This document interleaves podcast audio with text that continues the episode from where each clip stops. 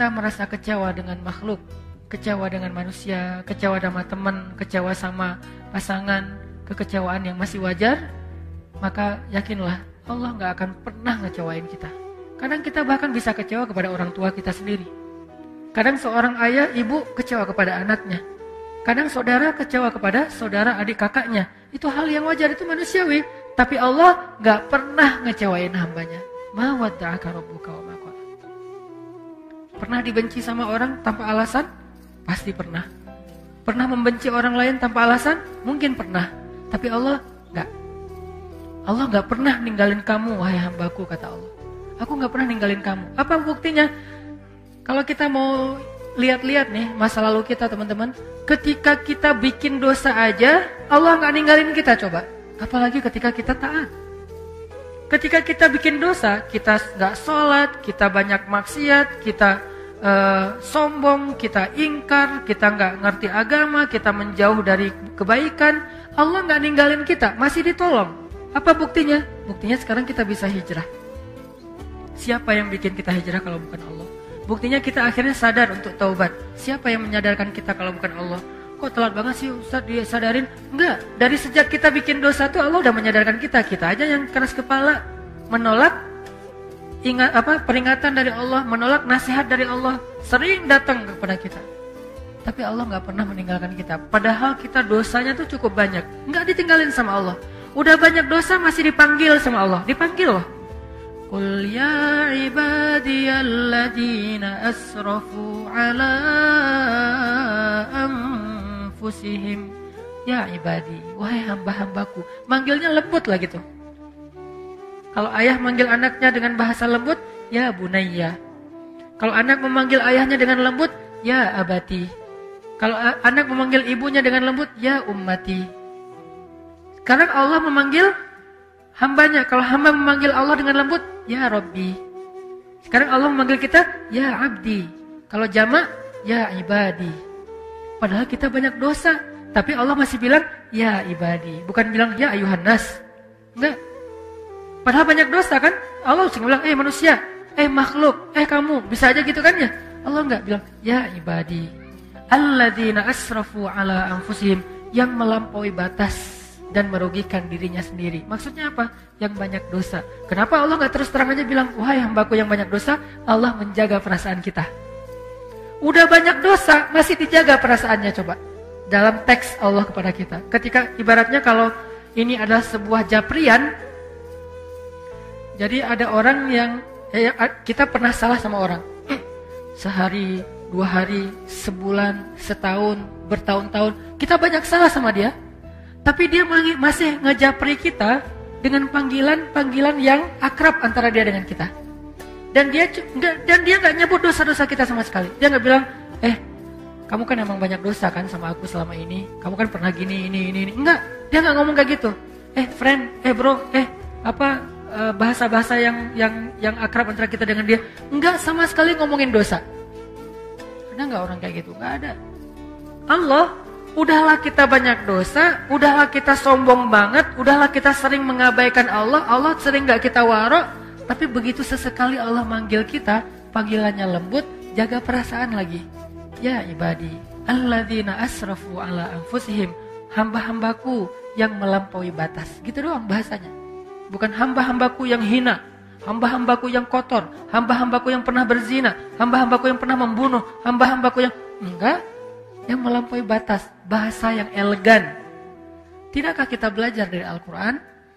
Al-Quran itu teks yang sangat elegan. Hadis teks yang sangat elegan. Sejak kapan komen kita tidak lagi berkiblat kepada Al-Quran dan hadis? Kita mengaku pembaca Al-Quran, tapi kita komennya tidak Qurani. Kita mengaku mempelajari hadis, tapi komen kita tidak nyunnah. Arti nyunnah nggak elegan seperti Nabi. Pernahkah Nabi menggunakan istilah-istilah yang tidak baik untuk orang lain? Sampai Nabi mengatakan apa? Kalau ada budak perempuan kalian berbuat zina, maka cambuklah dia, tapi jangan cela dia. Cambuk itu bagian dari hak agama. Nggak boleh diabaikan, itu hak agama. Bagian dari keadilan hukum. Cambuklah dia, tapi jangan cela dia. Lalu kalau dia berzina lagi dua kali, maka cambuklah dia, tapi jangan celah dia. Kalau dia berzina lagi sampai tiga kali, maka juallah dia walau dengan harga seutas tali, murah. Tapi jangan cela dia, coba. Tetap nggak boleh mencela. Terus apakah kita merasa lebih layak daripada Rasulullah untuk mencela orang lain? Hanya gara-gara berbeda partai? Hanya gara-gara berbeda pandangan politik? Hanya gara-gara beda mazhab dalam fikih? Hanya gara-gara beda geng? Di mana Al-Quran dan Sunnah?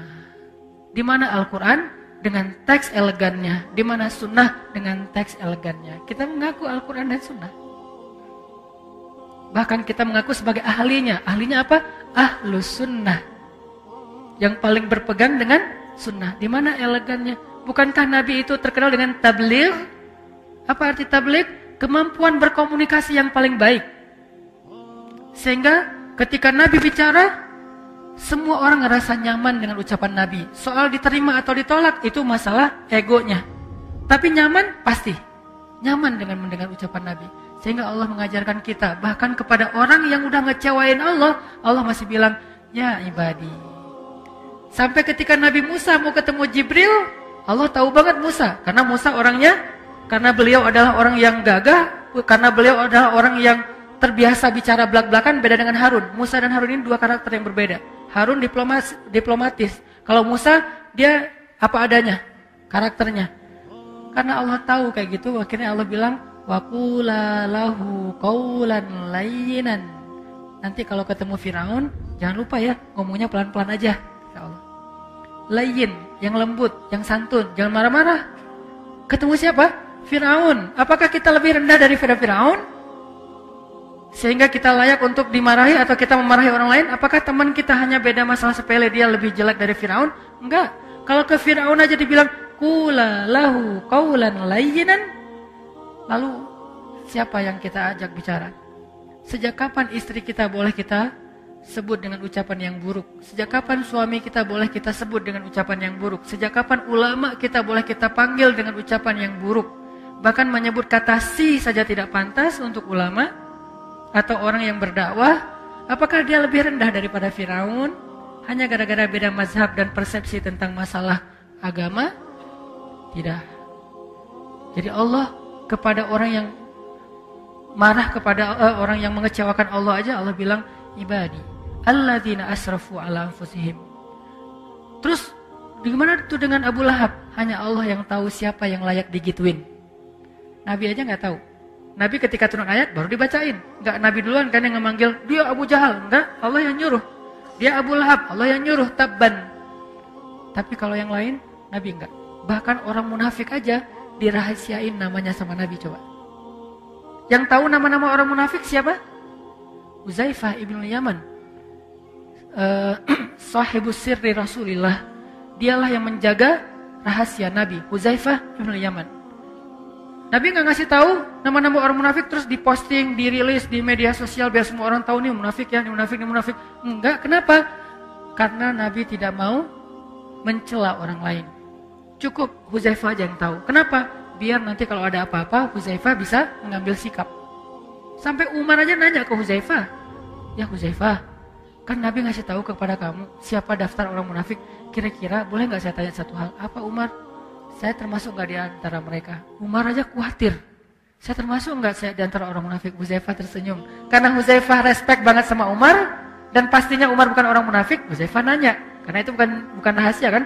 Enggak, wahai Umar, kamu nggak termasuk munafik lah. Alhamdulillah ya Allah. Gitu dan itu bukan basa-basi teman-teman, bukan pencitraan.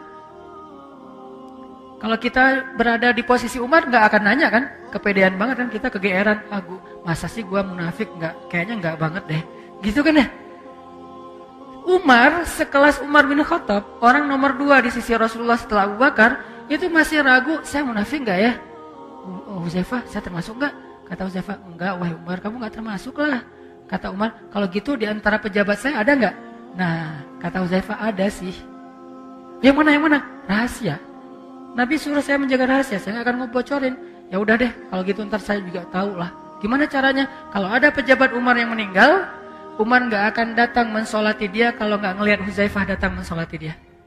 Kalau Huzaifah nggak mensolati, oh berarti dia tuh emang munafik. Jadi caranya nunggu Huzai, Huzaifah ibnu Yaman. Sampai Huzaifah wafat baru nggak bisa lagi kedeteksi mana orang munafik.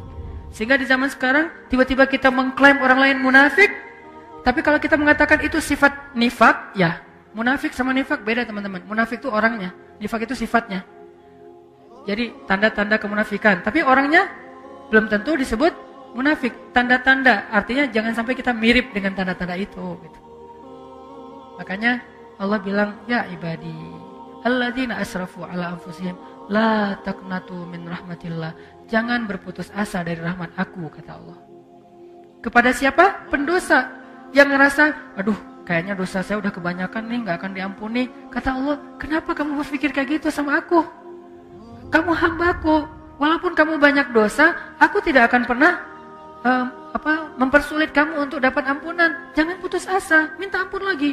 Ya Allah, dosa saya tuh sebanyak langit dan bumi. La ubali kata Allah, aku nggak peduli berapa banyak dosa kamu. Coba sebaik apa Allah.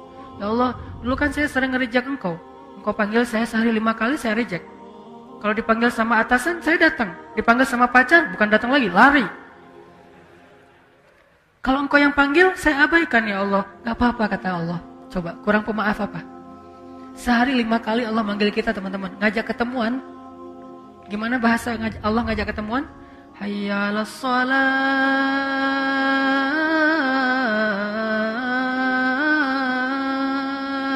Hambaku ketemuan yuk. Kalau bahasa kita kan.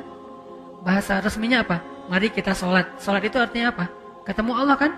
Kalau kalian apa e, seolah-olah kalian melihat Allah, kalau tidak melihat seolah kalian yakinlah Allah melihat ketemuan gitu. Allah ngajak ketemuan, bahasanya kalau diterjemahin selama ini resmi. Saya lebih senang menerjemahkan bahasa daily kita lah. Arti hayalah sholat dalam keseharian kita, yuk ketemuan yuk. Allah ngajak kita ketemuan. Padahal kita yang butuh Allah, Allah nggak butuh kita, tapi Allah yang ngajak kita ketemuan. Hayyalah sholat.